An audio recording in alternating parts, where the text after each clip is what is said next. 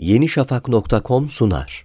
Adını bakır madenlerinden alan ve günümüzde de defakto olarak ikiye bölünmüş olan Kıbrıs, Akdeniz'in en önemli ticaret merkezlerinden biriydi. Akdeniz'i denetler duruma gelen Osmanlı Devleti ise ticaret yollarını güvenlik altında tutabilmek için korsanların varlığına son vermek üzere Kıbrıs'a yöneldi. Kıbrıs Fatihi olarak nam salan Lala Mustafa Paşa'nın kumanda ettiği Osmanlı ordusu tarafından fethedilen Kıbrıs, tam 307 sene boyunca Osmanlı egemenliği altında kaldı. Peki Şirvan ve Gürcistan Fatihi unvanlarına da sahip olan Osmanlı Veziri Lala Mustafa Paşa, Kıbrıs'ı nasıl fethetti?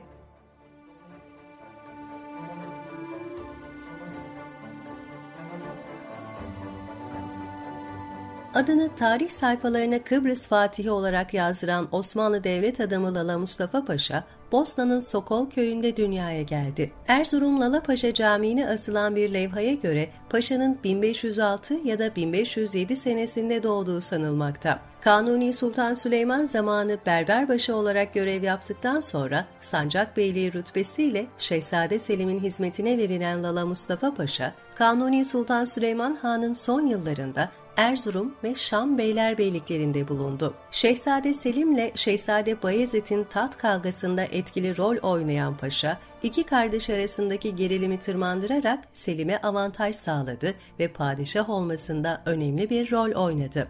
İkinci Selim hem yayılmacı politika gereği hem de ticaret yollarını korumak için Venediklilerin hakimiyeti altında olan Kıbrıs'a işgal hazırlıklarını başlattı. Vezir-i Azam Sokullu Mehmet Paşa'nın muhalefetine rağmen Venedik'e savaş ilan edilip Kıbrıs seferi başlandığında da bu harekatın serdarlığına Lala Mustafa Paşa getirildi. Kıbrıs'ın fethiyle görevlendirilen paşa, Piyale Paşa komutasındaki 400 gemi, 50 bin piyade, 6 bin Yeniçeri, 2500 süvari ile yola çıktı.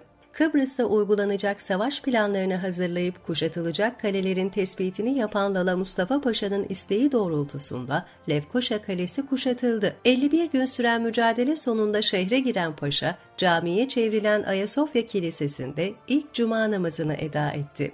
Kıbrıs'ın Osmanlı topraklarına katılması ise 9 Eylül 1570 yılında Lefkoşa'nın fethiyle başlayıp 1 Ağustos 1571 yılında Magosa'nın iltihakıyla tamamlandı.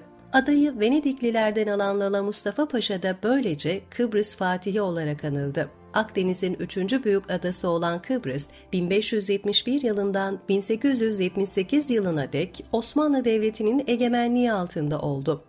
İstanbul'a döndüğünde Vezir-i Azam Sokullu Mehmet Paşa'nın desteğini alan Mustafa Paşa, rakibi Koca Sinan Paşa'ya karşı durumunu kuvvetlendirdi.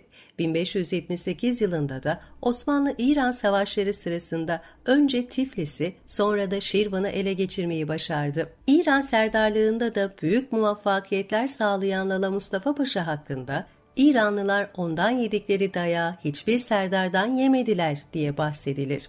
Görev dönüşü Sokullu Mehmet Paşa'nın öldürüldüğü haberini alan Paşa, çok geçmeden de rakibi Koca Sinan Paşa'nın tahrikleri neticesinde serdarlıktan azledildi. Ancak Koca Sinan Paşa'nın entrikalarıyla 1581 yılında serdarlıktan da uzaklaştırılan Lala Mustafa Paşa, bir süre Sadaret Kaymakamı olarak görev yapsa da aynı yıl vefat ederek Eyüp Sultan Türbesi'nin doğu tarafından satın aldığı mezar yerine defnedildi. Lala Mustafa Paşa'nın idaredeki hizmetleri kadar önemli olan başka bir hizmeti de Osmanlı Devleti'nin birçok yerine hayır eserleri yaptırmasıydı.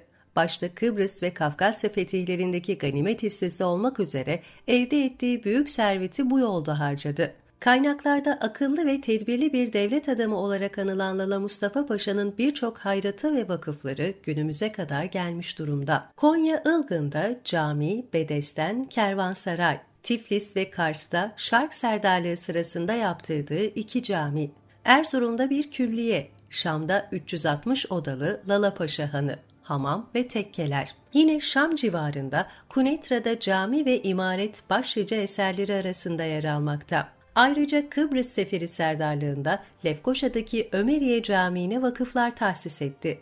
Magosa'da fetih sonrası katedralden çevrilen cami onun adını taşır. Mekke ve Medine'de de bazı hayratları bulunmakta. yenişafak.com sundu.